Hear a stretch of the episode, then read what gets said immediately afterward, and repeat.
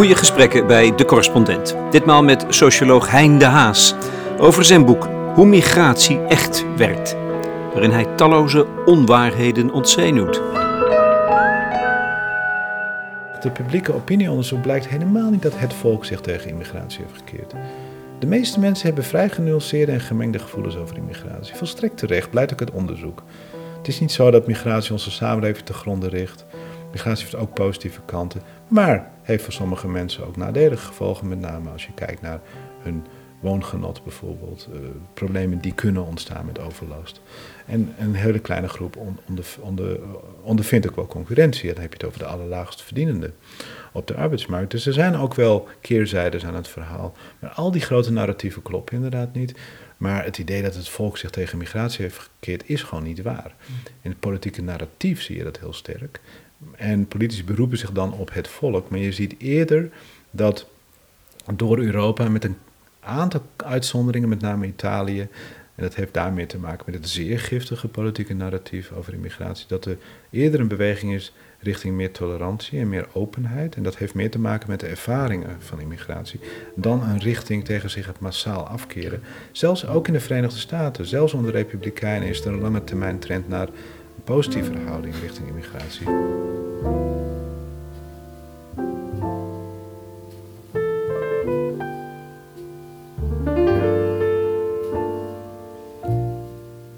Hein de Haas is hoogleraar sociologie in Amsterdam.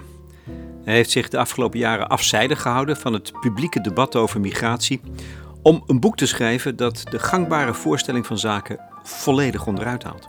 Hoe migratie echt werkt. Het ware verhaal over migratie aan de hand van 22 mythen. Het boek bevat explosief materiaal en is een frontale aanval op zowel politici als journalisten. Willens en wetens presenteren zij dagelijks een vals beeld van de werkelijkheid. Zijn de immigranten een bedreiging voor onze samenleving? Nou, nee, er is overvloedig bewijs, wetenschappelijk verantwoord voor het tegendeel. Op grond van dit boek moet je wel tot de conclusie komen dat wij onophoudelijk bestookt worden ja, met een vorm van propaganda. Dit zal je leren. Ik was eerlijk gezegd onthutst, zo wijdverbreid als de politieke stemmingmakerij en journalistieke sensatiezucht is. En even voor alle duidelijkheid, de onwaarheden vind je zowel aan de rechterkant als aan de linkerkant van het spectrum, zowel bij voorstanders als aperte tegenstanders van migratie. Groot voordeel van hoe migratie echt werkt. Het is niet alleen een grondige en alomvattende studie over het onderwerp, maar het is ook uitstekend geschreven. Dit boek verdient een groot publiek. Ik spreek de Haas op vrijdagochtend 15 september. Op de voorpagina van de NRC een foto en een alarmerende tekst. Duizenden Afrikaanse migranten op Lampedusa, noodtoestand. En zo gaat het dagelijks. Nou, zo gaat het al 30 jaar. Dus, eh, en dat is ook het voordeel van een breder perspectief en een meer mondiaal en internationaal perspectief. Dat je niet uh, verkijkt op de, waan van de dag dus wat je altijd leest in de media is als er een crisis uitbreekt. Je leest nooit over het einde van een crisis, van een migratiecrisis. En je krijgt er door het beeld dat we met een ongekende migratie te maken hebben. Maar als je de klok terugdraait, hebben we over de laatste 30 jaar een hele reeks aan kleinere en grotere migratiepieken gezien. We hebben het hier dan over een relatief beperkt deel van de migratie, de, de irreguliere of illegale migratie. Uh, en die wordt heel erg uitvergroot in de media, maar ook alleen, eigenlijk alleen maar de pieken. En dat is natuurlijk een probleem op die plekken waar op dat moment heel veel migranten arriveren, dat begrijp ik. Maar om dat te vertalen in een beeld van wij worden overspoeld, dan trek je het inderdaad uit verband. In die zin moet je altijd het bredere verband zien en vooral de langere termijn. Op wie ben je nou het meest boos? De politici of de journalisten? Ik ben niet zozeer boos. Jawel, jawel.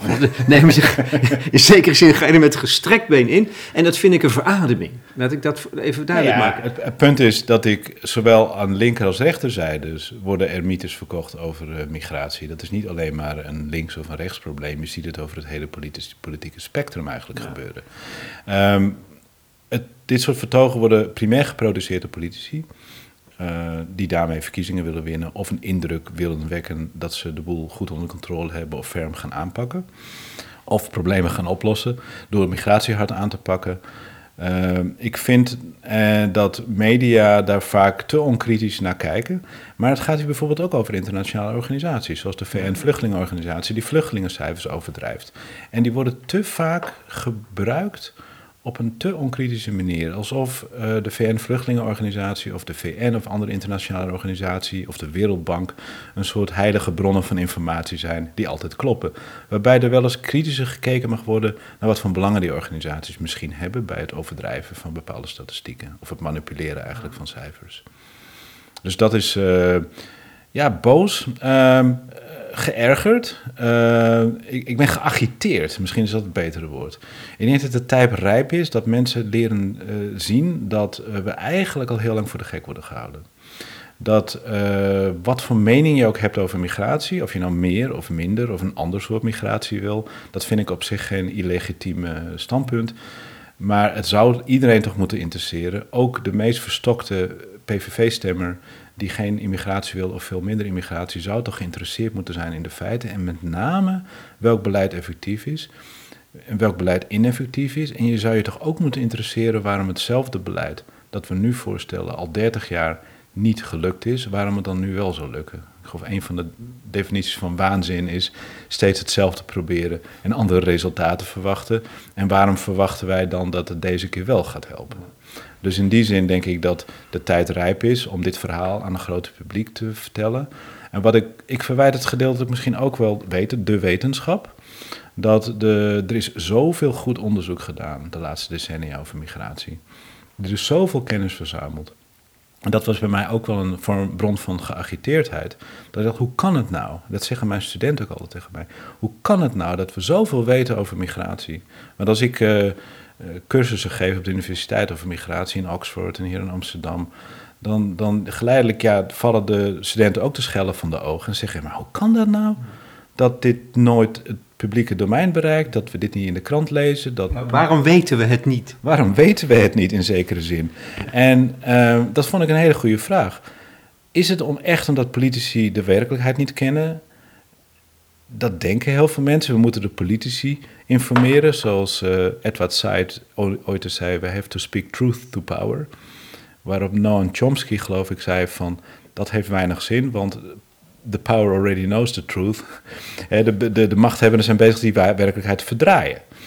En dat is op migratie wel heel erg van toepassing. Dat er een systematische vervorming en verdraaiing van de realiteit plaatsvindt. Maar de wetenschap heeft ook al staak, denk ik, de maatschappij te dienen en die kennis te vertalen. En in die zin is de wetenschap vaak te veel in zichzelf opgesloten, praat te veel in jargon of ontoegankelijke statistieken of wiskundige taal.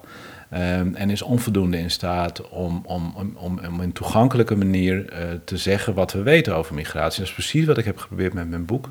Om kennis uit mijn eigen onderzoek en, en veldwerk in Marokko en andere landen um, te vertalen, maar ook samen te vatten wat we weten uit de bredere onderzoeksliteratuur over dit onderwerp van migratie. En ik denk dat de tijd echt rijp is en ik ben in die zin ook wel optimistisch. Ik ben geagiteerd een groot gevoel van urgentie. Dat het echt tijd is dat deze enorme rijke bron van kennis die we gewoon hebben, goede wetenschappelijke kennis, keiharde bewijzen eigenlijk over allerlei onderwerpen, dat die het publieke domein inkomt. Waardoor burgers kritischer kunnen omgaan, maar ik hoop ook journalisten kritischer kunnen gaan kijken naar uitspraken uh, en acties, of juist geen acties, van politici op dit terrein. Dus in die zin ben ik wel optimistisch. En dat, snij ik ook aan het boek aan. Er is een soort misvatting dat het publiek zich tegen migratie heeft gekeerd. Dat is helemaal niet zo. De werkelijkheid is dat de meeste mensen gemengde gevoelens hebben over migratie. Best wel begrijpen dat eh, best veel migranten nuttige dingen doen in onze samenleving, zoals allerlei werk wat wij niet meer willen doen. En dat we vluchtelingen ook niet zomaar per douche de grens terug over kunnen zetten, dat we daar toch iets mee moeten. En tegelijkertijd maken mensen zich zorgen. En dat, kan, dat is allebei volstrekt uh, legitiem. En dat is ook het echte debat. Maar daar heb je een genuanceerd debat voor nodig. En, en waarom zeggen politici dan tegen jou, als, als ze jou spreken na afloop van een debat of een presentatie? Ehm, je hebt gelijk, Hein Haas. Mhm. We weten het. De, de power weet het wel degelijk. Ja. Maar we kunnen dat niet erkennen, want dat zou politieke zelfmoord zijn. Dat zeggen ze tegen jou.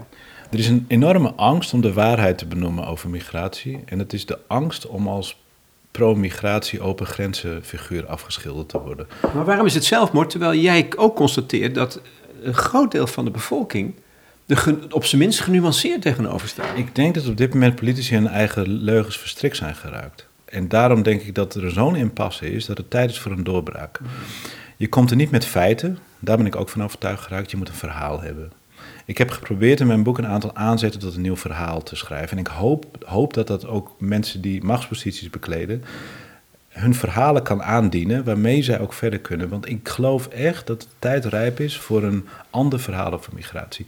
Dat vergt politici die moed hebben. We krijgen in Nederland misschien nu een wisseling van de wacht, ziet er naar uit. politici die al jarenlang iets roepen, kunnen moeilijk opeens eh, zichzelf gaan tegenspreken. Maar ik heb ik blijf moed houden dat met de nieuwe generatie politici misschien wel politici zijn die niet in deze oude narratieven vallen. Ik heb ook het gevoel dat mensen het zat zijn. Ehm, helaas is het geheugen vaak kort. We denken dat dingen nieuw zijn. Inderdaad, uh, je noemde net Lampedusa. Er zijn zoveel Lampedusa-crisis geweest. Er zijn zoveel Canarische eilanden-crisis geweest. Er zijn zoveel crisis geweest rond de Middellandse Zee. Dat is een kat-en-muisspel wat zich al 30 jaar voltrekt. Sinds, tweede, 1991, eh, toen de visumplicht voor Noord-Afrikanen werd ingevoerd. Dus die smokkel begonnen met vissers die mensen de zee overzetten. Dat is een uh, fenomeen wat we al 30 jaar zien. De vraag is inderdaad van wat doe je daaraan en wat doe je daarmee? Dat betekent niet het wegredeneren van een probleem betekent het wel erkennen, maar wel onderkennen wat dan niet goed gaat. En ook onderkennen dat more of the same geen oplossing is.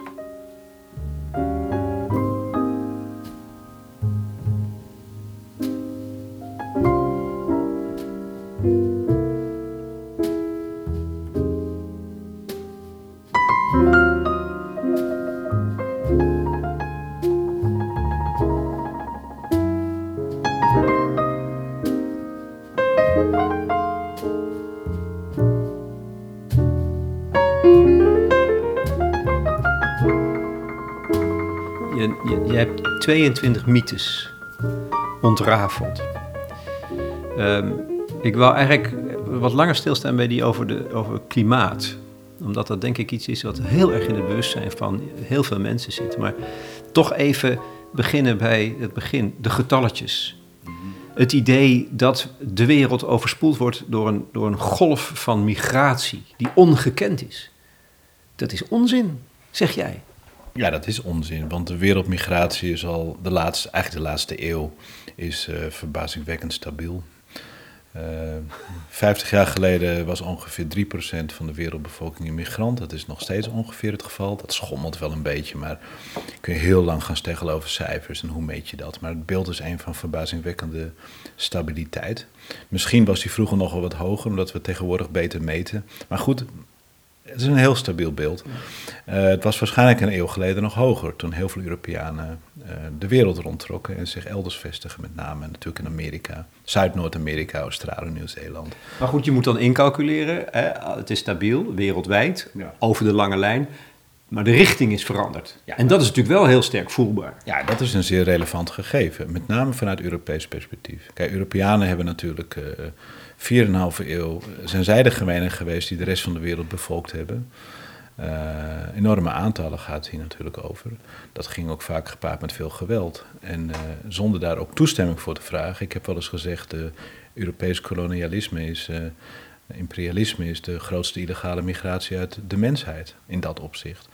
Maar even los daarvan, Europeanen zijn degene geweest die gedurende vier eeuwen de rest van de wereld hebben bevolkt. de laatste twee eeuwen heb je ook gezien dat steeds meer Europeanen uit relatief uh, armere landen in Europa ook naar Amerika zijn getrokken, gewoon als arbeidsmigranten. Maar ook uit landen als Nederland natuurlijk en Engeland.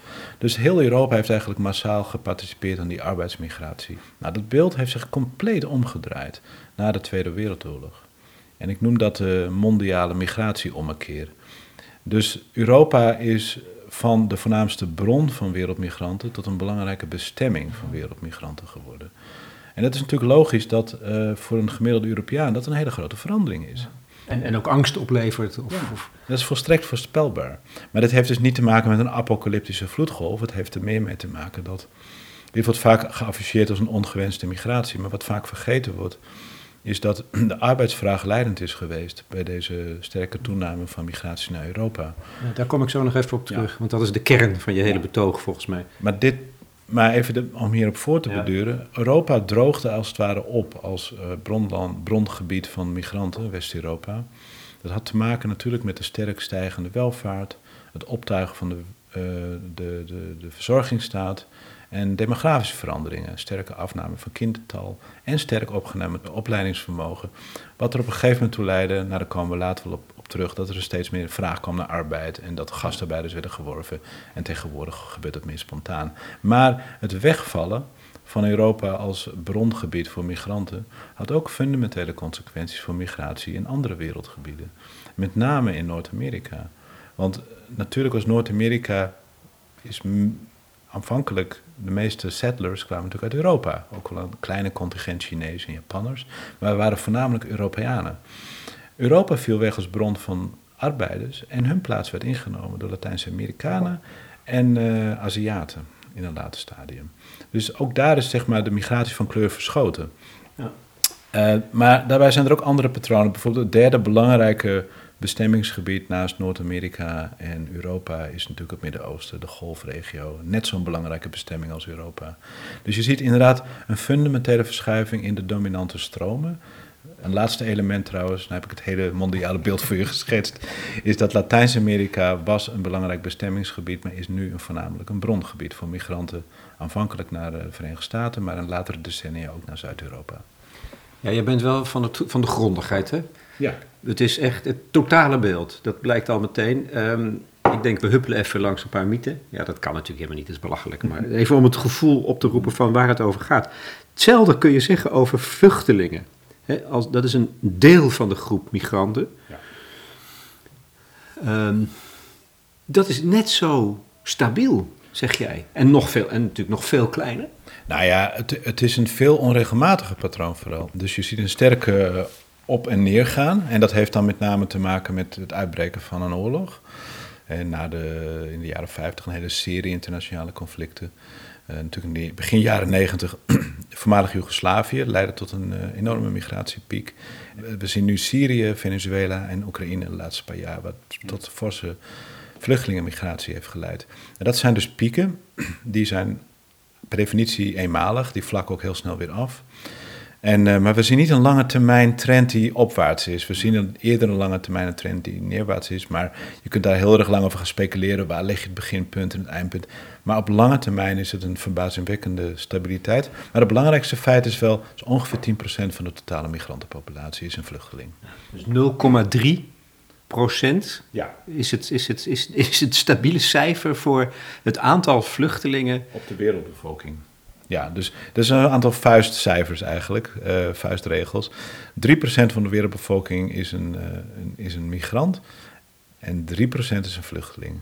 Dus 0,3. 0,3% sorry. Dus hebben we het samen over 3,3% Maar, en, en hoe komt het dan dat je in de krant leest, mijn buurman zei het, ja, er zijn, er zijn 70 miljoen of nog meer vluchtelingen in de wereld. Dat is ongekend en dat is, een, dat is een catastrofe.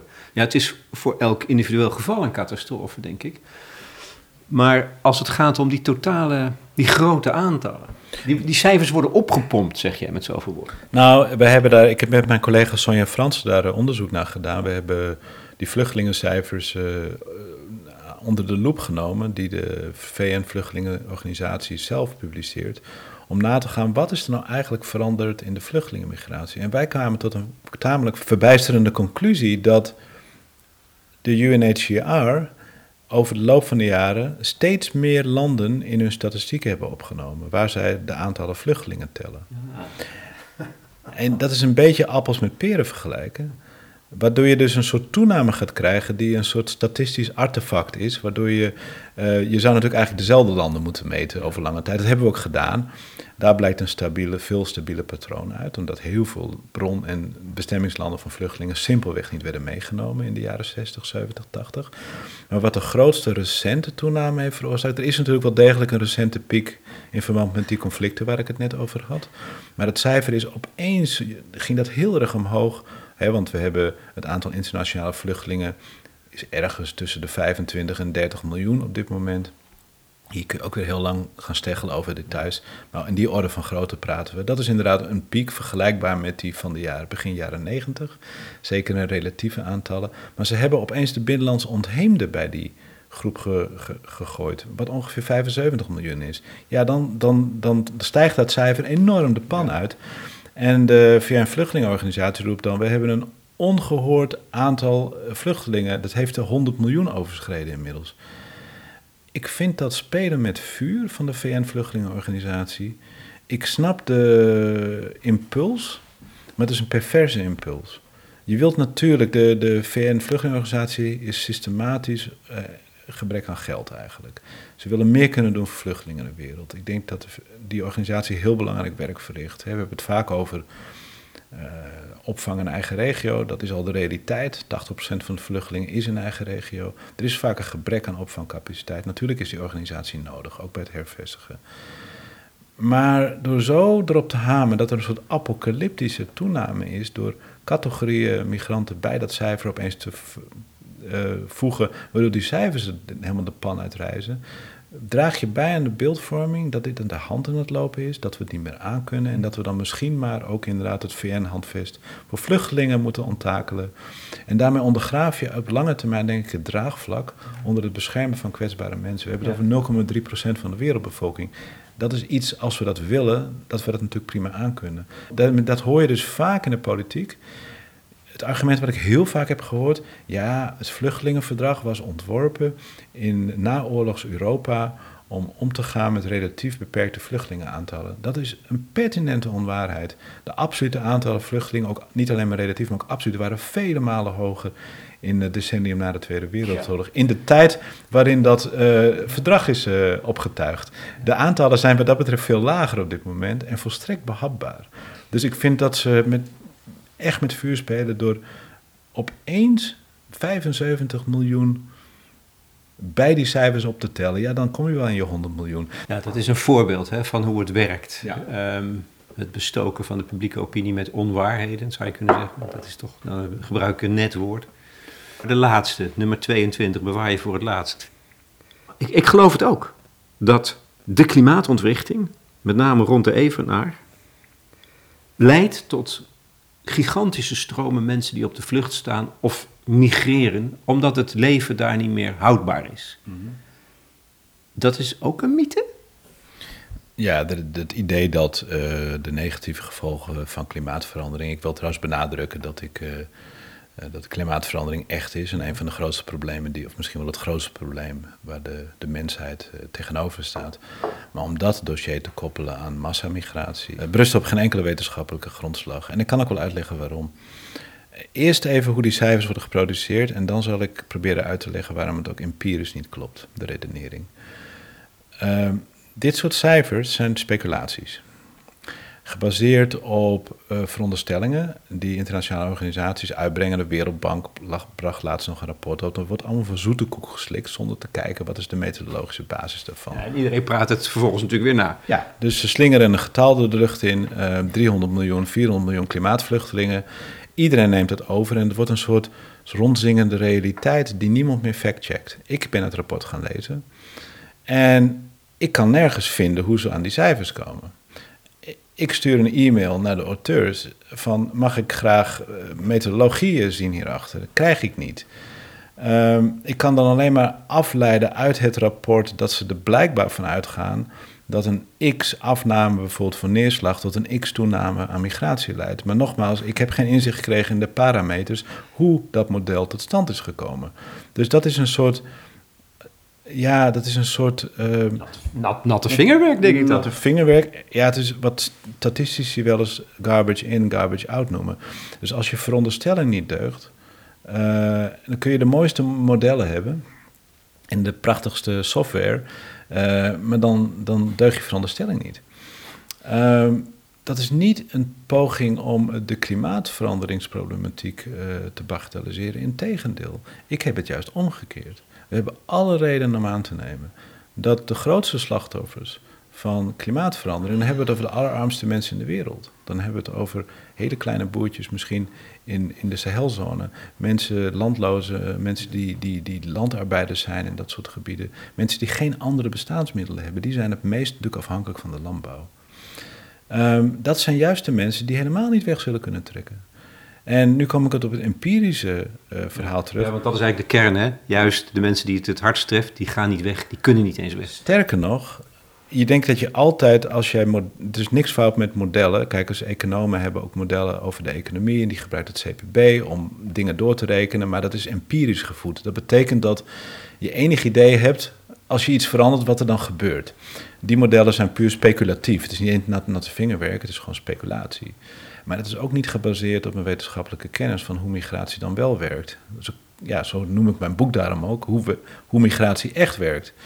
En we weten dat er een niet rechtlijnig verband is tussen welvaart en migratie. Dat betekent in andere termen dat migratie een investering is. Het kost geld, het is duur. Zelfs migratie binnen een land. We hebben in Ethiopië onderzoek gedaan en voor de meeste arme uh, boeren in plattelandsgebieden is migratie naar Addis Ababa totaal onbetaalbaar. Um, en dat betekent dus dat de mensen die van de regen in de drup raken, of die het grootste slachtoffer worden, bijvoorbeeld van verdroging, of, uh, of inderdaad gevaren als overstroming, zijn de mensen die helemaal niet ver kunnen wegtrekken. En uh, we hebben daar ook empirisch bewijs voor. Er is vrij veel onderzoek gedaan, bijvoorbeeld naar het effect van droogtes op migratie. En dan vinden we hele ingewikkelde dingen. We vinden bijvoorbeeld, en dat hangt dan heel erg van de context af. in sommige gevallen, in een aantal Afrikaanse landen waar daar goed onderzoek naar gedaan is, zien we dat korte afstandsmigratie toeneemt. Dat kan bijvoorbeeld, stel je voor dat je van jouw dorp, uh, dat er één familielid naar de stad gaat of een kleine stad in de buurt om een extra inkomen te verwerven, zodat je minder afhankelijk wordt van die landbouw, een extra buffer als het ware hebt. Um, dat zie je vaak, maar dat lange afstandsmigratie, bijvoorbeeld naar de grote stad en zeker naar het buitenland, meestal afneemt. En dat uh, omdat mensen minder middelen hebben. Dus verarming leidt tot minder migratie in arme landen. En er is heel veel ander empirisch onderzoek gedaan naar inderdaad verband tussen natuurrampen en schaarste en migratie. En de paradox is vaak dat mensen juist trekken naar die gebieden die het meest kwetsbaar zijn voor overstroming en dat soort zaken. Omdat het vaak ook de meest aantrekkelijke gebieden zijn qua mogelijkheden. Daar bevinden zich vaak de steden, de vruchtbare landbouwgebieden. En heel veel mensen hebben levenswijzen die zich daaraan aanpassen. Nu zie je natuurlijk wel dat, uh, wat we ook weten uit het onderzoek naar rampen en migratie, is dat de meeste mobiliteit, natuurlijk, soms moeten mensen weg. En de mensen die de middelen hebben, die niet als het ware vast komen te zitten, die migreren vaak over hele korte afstand, willen graag dicht bij huis blijven. Uh, als het kan, gaan ze weer terug. Als het niet kan, settelen ze zich iets verder. Dus wat degelijk klimaatverandering gerelateerde milieuproblematiek kan voor grote problemen leiden, zeker voor de allerarmsten. De grootste slachtoffers zullen diegenen zijn die niet weg kunnen. En ik geef het voorbeeld vaak van Hurricane Katrina in New Orleans. Het grootste slachtofferaantal was onder eh, Afro-Amerikanen die in arme wijken woonden, die geen auto's of netwerken of middelen hadden om op tijd weg te komen.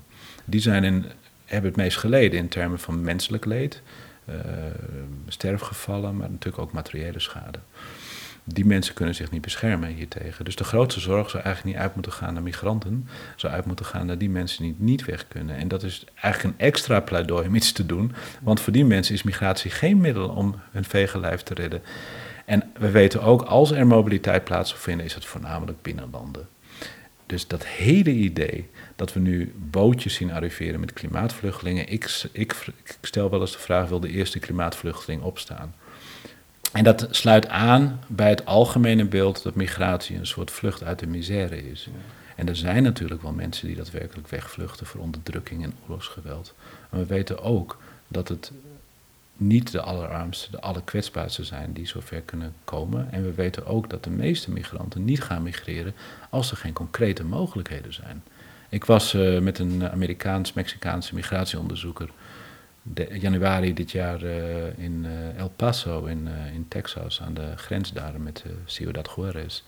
We hebben ook met heel veel migranten en vluchtelingen aan de Mexicaanse grens gepraat. En iedereen heeft het over werk in de Verenigde Staten. En dat is natuurlijk het andere verhaal dat uh, de meeste migranten die moeten middelen mobiliseren om die migratie uh, werkelijkheid te maken. Het is een investering in lange termijn toekomst vaak van gezinnen. Je hebt natuurlijk altijd uitzonderingen, maar dat is wel het grotere verhaal van migratie, wat je eigenlijk nooit terugziet. Dus alleen maar migranten als slachtoffers, wanhopige mensen, ontneem je hen ook die andere kant van uh, mensen die juist heel bewust migreren en op mogelijkheden afkomen.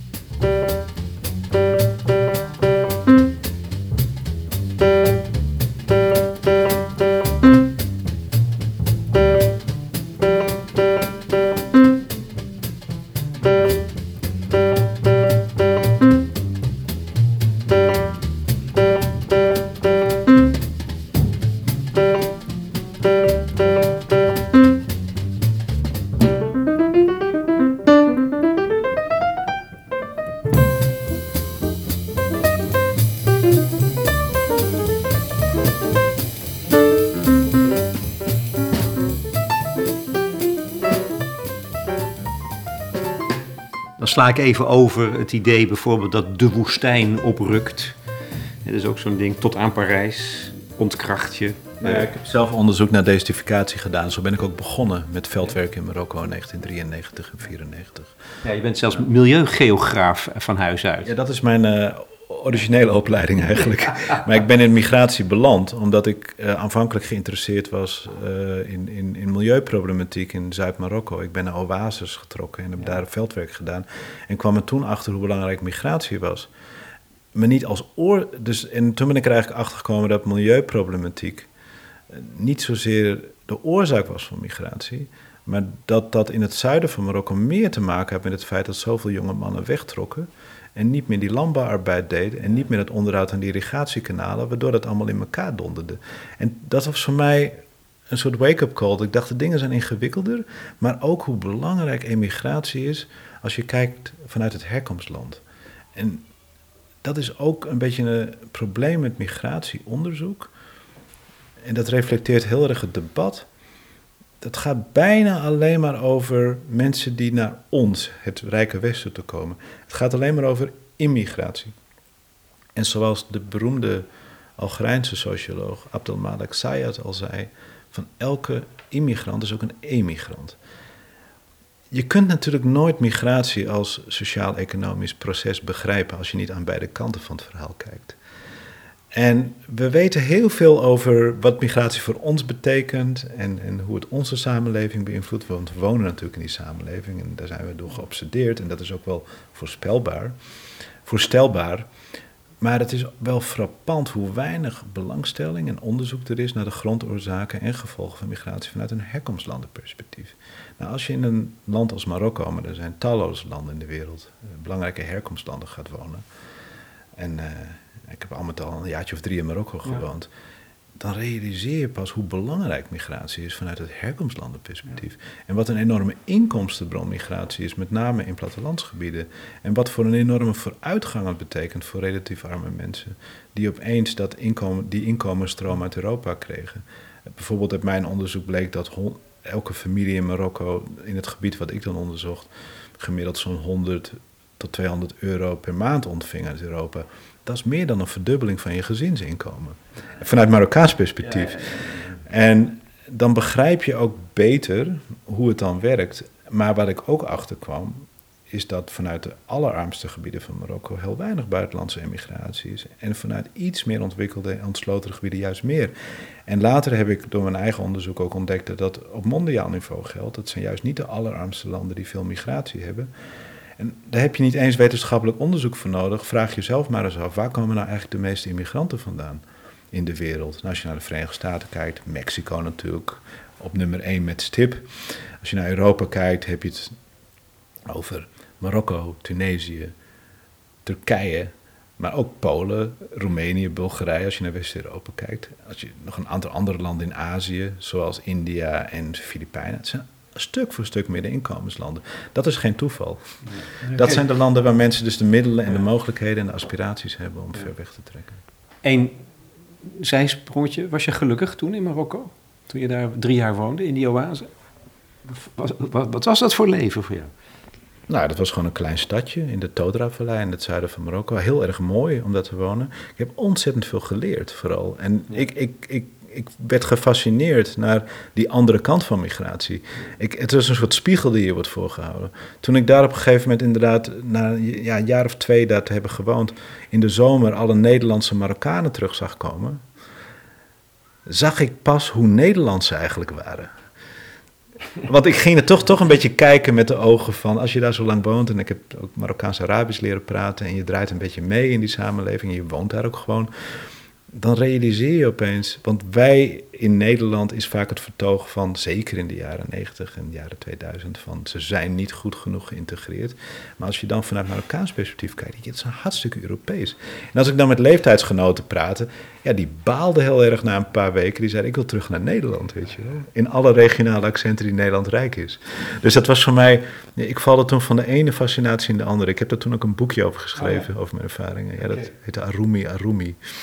Uh, ja, hoe dat dan was om daar als, als Europeaan, zeg maar, daar uh, te leven. Als enige buitenlander eigenlijk, in die oase. En ik heb me daardoor, denk ik, ook wel steeds meer gerealiseerd hoe totaal van de werkelijkheid losgezongen ons publieke vertogers over migratie. Ik ga je een voorbeeld noemen over illegale migratie. Mijn buurman had tien jaar illegaal in Spanje gewerkt en praatte daar onverbloemd over.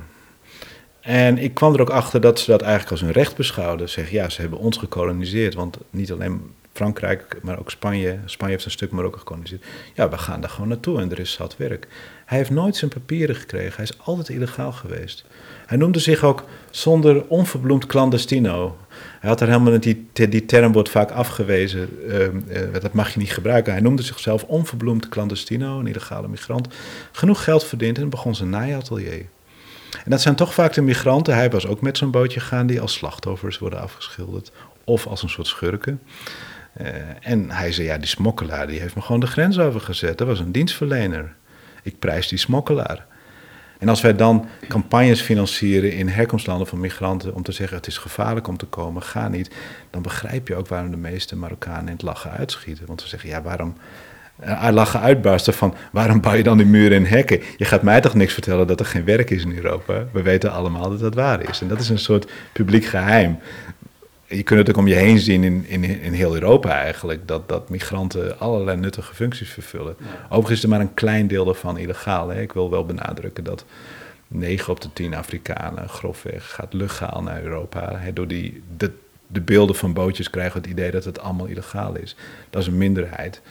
Maar even los daarvan, elke Marokkaan weet dat er werk is. Maar je ziet ook dat mensen weten wanneer er niks te halen valt. Met de, in 2007 en 2008 ging er bijna geen Marokkaan de grens over.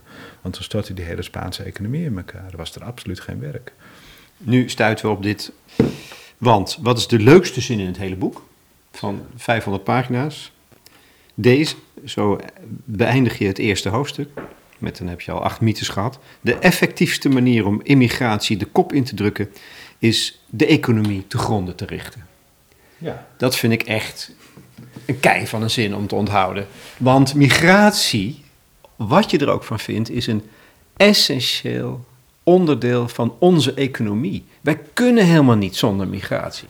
Nou ja, migratie is van alle tijden. Daar wil ik mee beginnen. Uh, dat is misschien een cliché, en, maar het is helaas nog een cliché dat we moeten blijven herhalen en serieus moeten gaan nemen. Maar het soort samenleving wat wij hebben gecreëerd, een soort economie wat wij hebben gecreëerd in het bijzonder, trekt veel migranten aan. We hebben een zeer welvarende samenleving, maar niet alleen dat, ook een zeer flexibele arbeidsmarkt, waarbij de overheid de controlemiddelen over migratie grotendeels uit handen heeft gegeven aan de particuliere sector. Dat, daarmee bedoel ik dus wervingsbureaus. Waardoor we eigenlijk vrijwillig de grip op migratie uit handen hebben gegeven. Um, en we hebben te maken gehad over de afgelopen jaren met toenemende arbeidstekorten. Het aantal arbeidsmigranten in Nederland tussen 2006 en 2021 is verviervoudigd. We hebben het over legale migratie hier. Hè? Er komen ook nog een klein deel illegale migratie bovenop. En dat is ja, maar gezocht dus ook, hè? Ja. Verwelkomd. Dat is niet, niet omdat we er niet tegen konden. Nee, we wilden het graag. Nee, dat is natuurlijk begonnen met de gasten bij de werving. Dat was destijds nog overheidsgestuurd. Maar die die openheid is eigenlijk gebleven. Wat, er, wat uit mijn onderzoek blijkt, wat we in de Universiteit van Oxford hebben uitgevoerd, hebben we alle beleids beleidsveranderingen, 6500 beleidsveranderingen door Europa en, en andere rijke landen geanalyseerd. En zijn we erachter gekomen dat het immigratiebeleid niet restrictiever is geworden, maar liberaler is geworden. Nou, dat is niet wat politici ons doen geloven, maar dat is de realiteit onder de stoere praat van links en rechts. Want ook links is altijd, historisch tenminste, tegen arbeidsimmigratie geweest. Dat waren de vakbonden die de grootste tegenstanders waren van uh, arbeidsimmigratie. Maar goed, regeringen staan, links of rechts, hebben altijd onder druk gestaan van werkgeverslobby's, economische belangen, daadwerkelijke arbeidstekorten. Om dat dan toch maar toe te staan door enerzijds de regelgeving te versoepelen, allerlei regelingen te treffen die het mogelijk maakt voor werkgevers om werknemers te zoeken. Uh, en aan de andere kant een oogje dicht te knijpen voor de illegale tewerkstelling van, uh, van illegale migranten. Dat is een publiek geheim. Kijk maar om je heen, zeker in de grote steden. Uh, wie wast de borden af in restaurants? Wie bezorgt het eten? Wie maakt de huizen schoon? En ga zo maar door. Of wie plukt onze tomaten? Migranten en in veel gevallen ook migranten zonder verblijfspapieren. Dat weet iedereen. Dus je ziet een enorme kloof, ik noem dat de discursieve kloof, tussen wat politici roepen en wat ze doen, of ook eigenlijk niet doen of niet willen doen. Dus het is ook een bewust niet willen reguleren. En die regulering, maar dat is onderdeel van een breder patroon van deregulering. We hebben een van de meest flexibele arbeidsmarkten van, uh, van Europa. En dat trekt per definitie een hoop migranten aan. En er is dus, als je dat even heel breed schetst, een fundamentele discrepantie tussen twee metatrends. In, de hele, in het hele Westen en zeker ook in Nederland. De laatste 40 jaar zien we een grote ontwikkeling richting liberalisering van de economie. Daarbij hebben we ook daarbij nog vergrijzing en eh, sterke economische groei in bepaalde sectoren. Maar met name die trend richting liberalisering. Waardoor we allerlei controleinstrumenten uit de handen hebben gegeven. Ook allerlei vormen van precaire arbeid hebben gecreëerd die Nederlanders vaak niet meer willen doen. En vaak buitenlanders willen dat wel doen vanwege die enorme inkomenssprong die ze daar toch mee kunnen maken, vergeleken met een herkomstland. Ik gaf net het voorbeeld van Marokko. Vaak een inkomen kunnen vervijf of tienvoudigen. En die willen daarom het werk vaak wel doen. En aan de andere kant de roep om minder immigratie. Dat gaat niet samen. Je kunt niet en een open en welvarende en gederegulariseerde economie hebben en minder immigratie.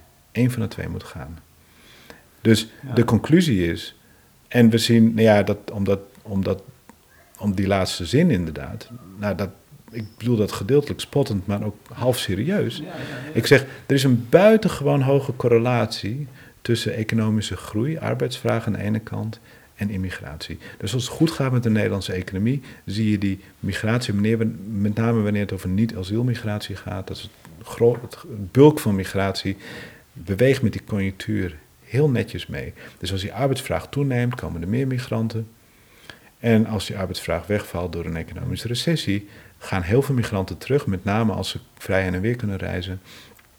En, en komen natuurlijk veel minder mensen hier naartoe. Dat zien we ook met illegale migratie, die natuurlijk veel kleiner aandeel is. Maar we zien dus een sterke circulariteit, een sterke reactie naar de economie. En inderdaad, als het slecht gaat met een economie, dat is het beste recept voor minder immigratie.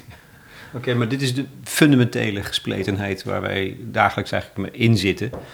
tussen de propaganda en de realiteit van ehm, de, de, het nut en de noodzaak zelfs van emigratie. Politici die een heel ander verhaal vertellen dan wat ze met de rechterhand wel toestaan via die deregulering. Ik noem dat cognitieve dissonantie eigenlijk. Nou, het is bewust, het bewust niet benoemen van de werkelijkheid van migratie. We zeggen vaak, we moeten zeggen waar het op staat. Ik zeg waar het op staat. De arbeidsvraag is de voornaamste motor van immigratie. En hoe zit dat dan in de nabije toekomst? Want uh, iedereen brult moord en brand over grotere en grotere arbeidstekorten. Weet je, we hebben mensen nodig, handen. En met name voor het, voor het, het werk waarop neergekeken wordt. Het handwerk, het, het vuile werk. Jij schetst eigenlijk een beeld waarbij dat wereldwijd een probleem gaat worden. Ja. Omdat er overal gaan die uh, tekorten komen. En waar halen we uh, mensen vandaan? Dus er zal een soort strijd om migranten binnen te trekken gaan ontstaan. Um, even kijken, ik zat niet zo scherp van het zal, maar die mogelijkheid is uh, heel erg aanwezig. Je ziet het al bij het hoger opgeleide migranten. Ik, ik, ben ook heel, overigens ook heel kritisch over het idee dat migratie dan weer een soort alheilmiddel is om al deze problemen op te lossen. Dus ik vind de formulering we hebben ze nodig is een beetje normatief. Uh, een behoefte is ook een beetje normatief. Ik zou eerder zeggen als wetenschapper, er is een sterke vraag naar immigranten. Ik vind niet per definitie dat overheden altijd naar de pijpen moeten dansen van ondernemers die goedkope arbeidskrachten willen. Ik vind dat je daar ook kritisch naar moet kijken.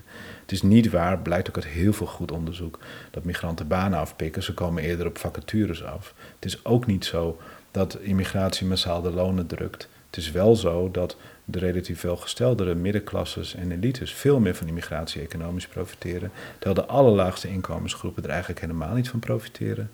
Terwijl diezelfde groepen natuurlijk wel het meest met de sociale gevolgen van migratie worden geconfronteerd. Als jij eh, een bepaalde wijk in Den Haag bijvoorbeeld woont, waar heel veel Polen, de huisjesmelkers in uh, krappe appartementen worden gezet. Ja, dat brengt overlast en irritatie met zich mee. Dat is niet de schuld van die individuele Poolse Ehm, immigrant, maar die ergernis is volstrekt uh, begrijpelijk. Of gevoelens van vervreemding die mensen kunnen hebben als vluchtelingen allemaal in dezelfde wijk of, of kleine stad bij elkaar worden gezet. Dat begrijp je, dat is volstrekt begrijpelijk. En het zijn precies die groepen vaak die economisch eigenlijk niks van migratie profiteren. Dus de lust en de last van migratie zijn ongelijk verdeeld. Dus in die zin moet je ook kritisch zijn op het pro-migratienarratief. Je moet de, de, werkelijkheid ook aan die kant durven te benoemen. Maar het andere punt wat je net noemde, ja, je kunt er vergif op innemen. Zolang wij een open en welvarende economie blijven, zullen wij immigranten blijven aantrekken. Maar het is ook een illusie dat we hiermee de grotere problemen kunnen oplossen. Er is in 2000, het jaar 2000, hadden de VN-bevolkingsorganisatie eh, een rapport uitgebracht Ironisch genoeg heette dat replacement migration. Dat is, daar zijn sommige politici mee aan de haal gegaan dat, uh, met de Great Replacement Theory, alsof de VN eh, een, replacement programma hadden. Maar ze bedoelden alleen maar de vraag van, kan immigratie compenseren voor de effecten van vergrijzing? Toen bleken er zulke gigantische aantallen migranten nodig te zijn om voor die, vergrijzing te compenseren, dat het volstrekt irreëel is. Politiek onhaalbaar, maar ook praktisch reëel. En hier kom ik op het punt waar, waar je het net over had. Is dat ehm, er zijn simpelweg niet genoeg migranten in de wereld. Migratie is niet groot genoeg. En dat komt op een ander punt. Migratie is een kleiner fenomeen dan we denken. En daarom zijn nog de positieve, nog de negatieve effecten van migratie zo groot als beide kampen eigenlijk proberen te beweren. Ja, dus, ik, ja, Als, ik kom daar nog even op terug, ja. zo meteen. Tot slot, uh, uh, eerst dit. Door onze schizofrene omgang met migratie, het ene zeggen, het andere doen, um, creëer je eigenlijk gevaarlijke omstandigheden voor de kwetsbaarste migranten. En dat is ook wel heel belangrijk om dat nog even erbij te zeggen. Want um, er is ook bewijs voor dat juist daardoor vormen van uitbuiting structureel zijn geworden. Nou, wat er eigenlijk gebeurt, is dat de waarheid over migratie, dan hebben we het over 90% van de immigratie, die dus niet asielgerelateerd is. Uh, ja, nou dat is precies wat je dus eigenlijk ziet, is dat uh, er enorm veel politiek lawaai is over een groep migranten die in de eerste plaats een minderheid is. We hebben het over grofweg 10, nou je kunt heel lang over cijfers hebben, misschien 12% van de totale instroom is. Terwijl de bulk van de immigratie buiten beeld blijft. Waar je dus eigenlijk ziet dat we dat niet alleen maar hebben getolereerd, maar ook gestimuleerd door beleid. En dat heeft ja, wellicht de economische groei verder aangejaagd, maar daarbij ook die arbeidstekorten. Dus um, dat probleem gaat niet weg. En we willen allemaal lage werkloosheid en hoge economische groei. En dat is een recept voor meer immigratie. Dus je kunt niet beide tegelijkertijd hebben. En onder die omstandigheden is het heel aantrekkelijk voor politici die die waarheid niet onder ogen durven te zeggen en maar blijven bezig, bezig zijn die waarheid te ontkennen. Om dan heel veel erbij te gaan maken over een relatief kleine groep, eigenlijk de zwakste groep van migranten, dan heb je het over asielzoekers. En soms ook over illegale migranten, die eigenlijk het meest risico lopen op marginalisering, op uitbuiting. In plaats van te praten over hoe ontwikkel je nou beleid dat die mensen daadwerkelijk helpt, die daadwerkelijk voor zorgt dat mensen uit de illegaliteit kunnen komen, niet uitgebuit kunnen worden op die manier door werkgevers of inderdaad huisjesmelkers. En met asiel natuurlijk, hoe zorgen we er nou eindelijk eens een keer voor na 30 jaar van asielcrisis naar asielcrisis struikelen, dat we structureel iets doen aan de opvang van asielzoekers. Dat kun je alleen maar doen door politieke verantwoordelijkheid te nemen. We weten dat asielmigratie niet een geleidelijke toestroom is. Het gaat met pieken en dalen, want dat is de aard van vluchtelingenmigratie. Onvoorspelbaar, dat heb ik met Oekraïne gezien.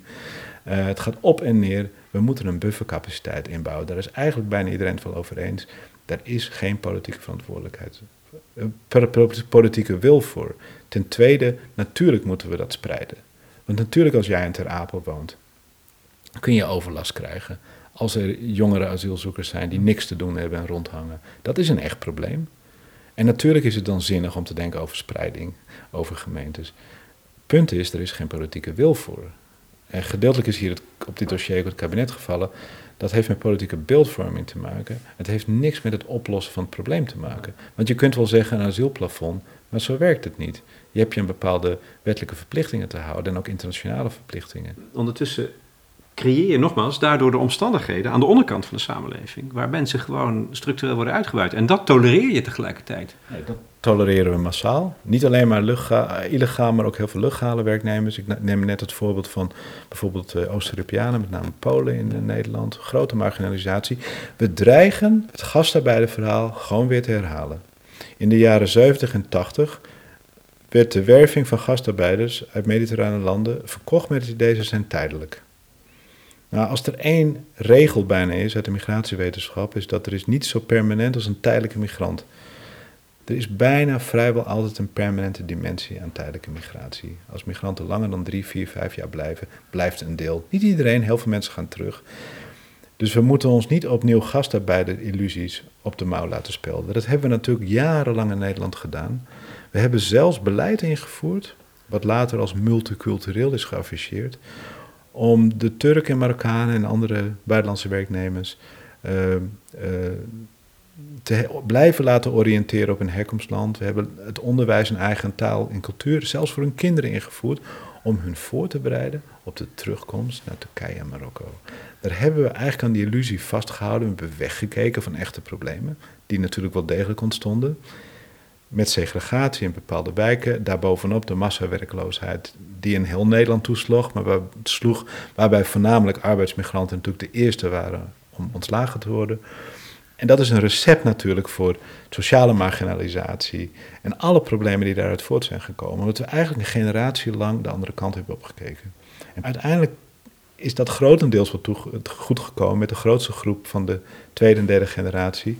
Maar daardoor, omdat de overheid hun verantwoordelijkheid niet heeft genomen voor de mensen die, hebben, die ze willens en wetens hebben binnengelaten, heb je die problemen gecreëerd als samenleving. We dreigen weer precies hetzelfde te doen. En we kijken weer weg, we zien het niet, omdat we het eigenlijk willen ontkennen. Dus we creëren op deze manier de problemen waar we het de afgelopen twintig jaar zoveel over hebben gehad, als we het hebben over de, de, de zogeheten gastarbeider en hun klein, kinderen en kleinkinderen. En we reproduceren die problemen eigenlijk op die manier in de maatschappij, omdat we het niet willen onderkennen.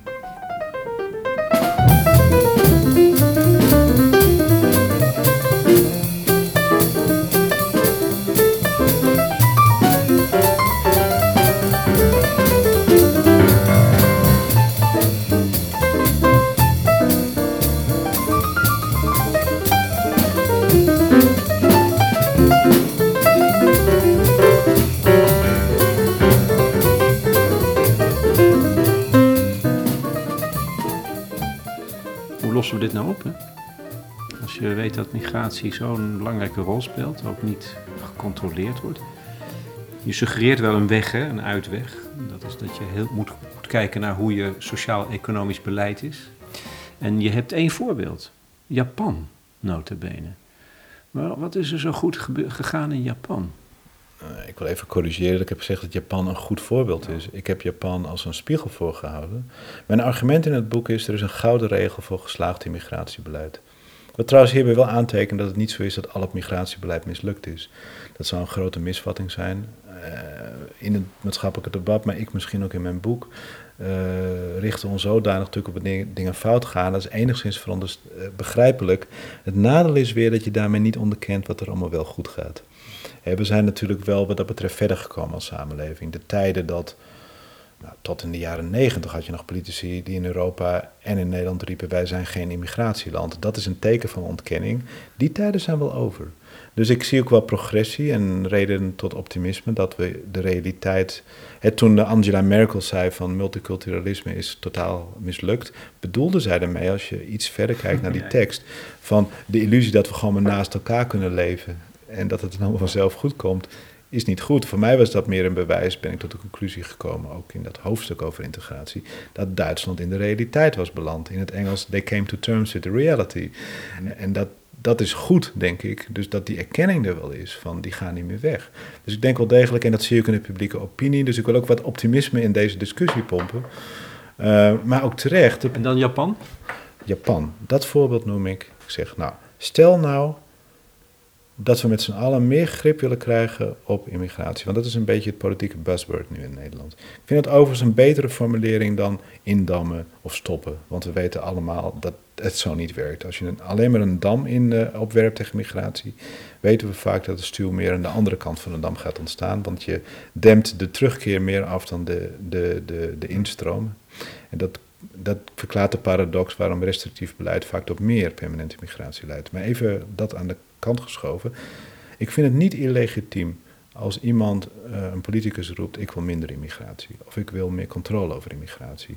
Zolang je me niet vervalt in racistische demagogie, vind ik dat je daar best een mening over mag hebben. En ik vind ook niet dat het pro-immigratiekamp dat automatisch moet wegzetten als verwerpelijk. Maar wil je daadwerkelijk meer grip op je immigratie krijgen, kun je niet alleen maar naar migratieregels kijken. Want als je alleen maar die aanpast, dan vinden migranten een andere weg, dat weten we. Uh, als je arbeidstekorten hebt en je, je knijpt die grenzen af, dat hebben we in het Verenigd Koninkrijk gezien, heeft een recordimmigratie bereikt van 500, uh, uh, 500.000 afgelopen jaren. Veel hoger dan voor de Brexit. Omdat de Brexit natuurlijk het vrije verkeer van Europeanen wel onmogelijk maakte, maar de arbeidsvraag niet oploste. Dus Engeland ging die, Groot-Brittannië ging die migranten elders vandaan halen en heeft hun immigratieregels daardoor versoepeld. En als je dat niet doet, krijg je natuurlijk ook meer illegale migratie. Dat is heel moeilijk te stoppen. Een veel effectievere manier om iets aan migratie te doen, om er echt grip op te krijgen, is iets te doen aan die arbeidsvraag. Je kunt die arbeidsvraag alleen maar beïnvloeden als je natuurlijk je algehele economisch, sociaal-economische beleid omgooit. En daarom geef ik het voorbeeld van Japan. Japan heeft veel lagere immigratie door de bank genomen dan de meeste westerse landen. Ook Japan heeft te maken met sterk toenemende immigratie, maar het algemene niveau is veel lager. Dat heeft niet alleen maar te maken met het relatieve geografische isolement van het land, ook culturele factoren. Japan heeft ook een veel gereguleerdere economie. Het heeft veel lagere economische groei. Wat, zoals we net weten, lagere economische groei is een goed recept voor minder immigratie. Bewust of onbewust voor gekozen, misschien voor gekozen, ook wel bij neergelegd bij dat scenario in Japan.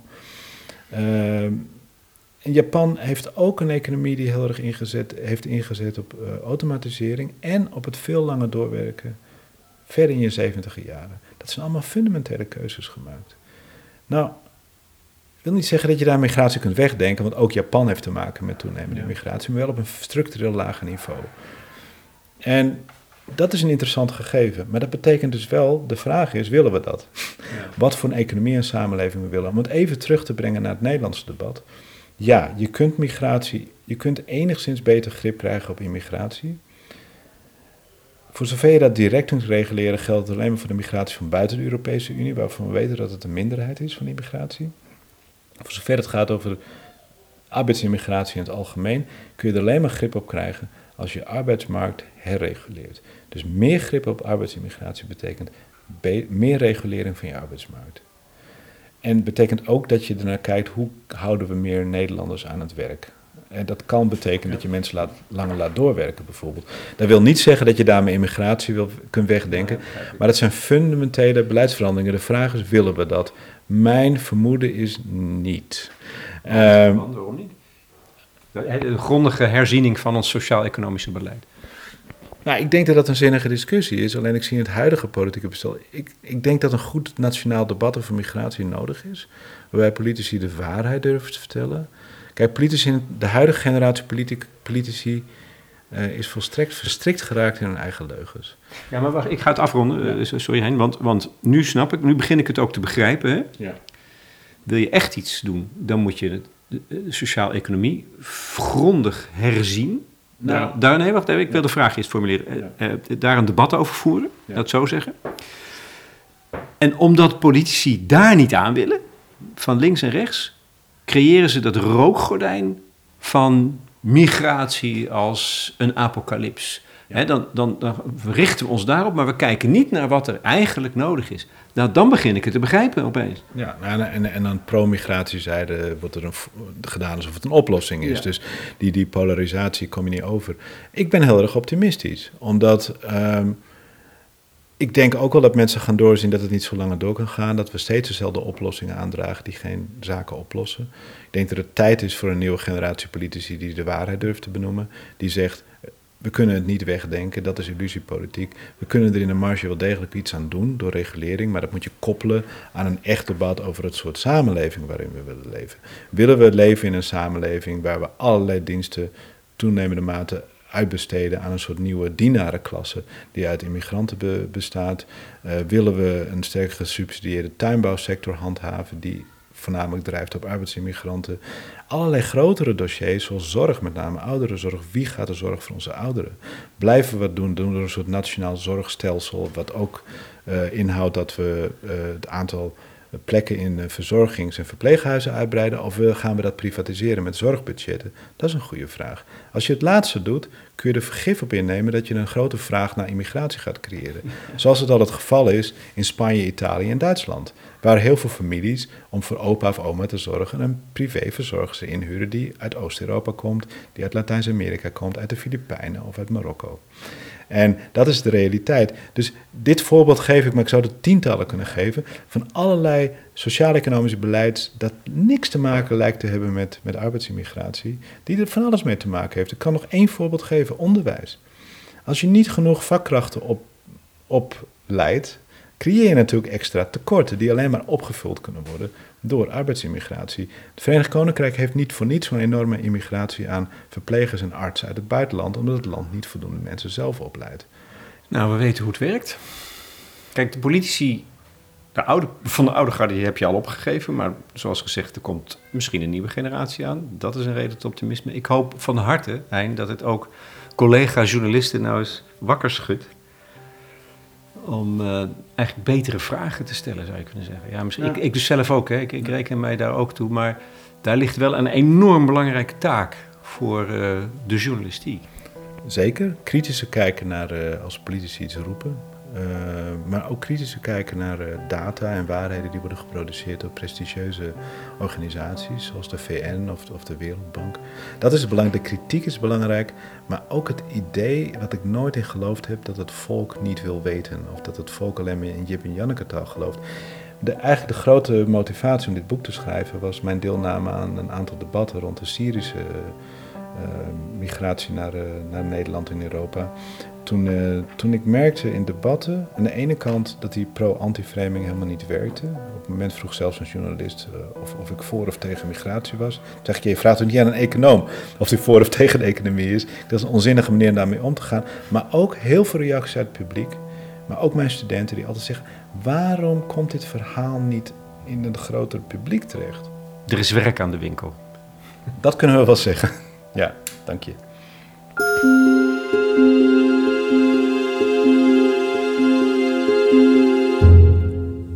Hein de Haas, hoogleraar sociologie aan de Universiteit van Amsterdam, in gesprek met Lex Bolmeijer voor de correspondent. Over zijn boek Hoe het echt werkt. Het ware verhaal over migratie aan de hand van 22 mythen. Het boek is uitgebracht door uitgeverij Spectrum en de Nederlandse vertaling is de eerste die nu op de markt is verschenen. Heb je hier vragen over of aanvullingen uh, of commentaar? Meld je dan op het forum van de correspondent. Ik heb met de Haas afgesproken dat hij de tijd zal nemen om op eh, aanvullende vragen in te gaan. Ons platform is toegankelijk voor leden en je bent al lid voor 9 tientjes per jaar, waar je dan een jaar lang kwaliteitsjournalistiek voor krijgt, voorbij de waan van de dag. Voor de muziek tenslotte maakte ik gebruik van good old Oscar Peterson. Een klassieker, het album Night Train uit 1963, favoriet nummer van Hein de Haas is Sea Jam Blues.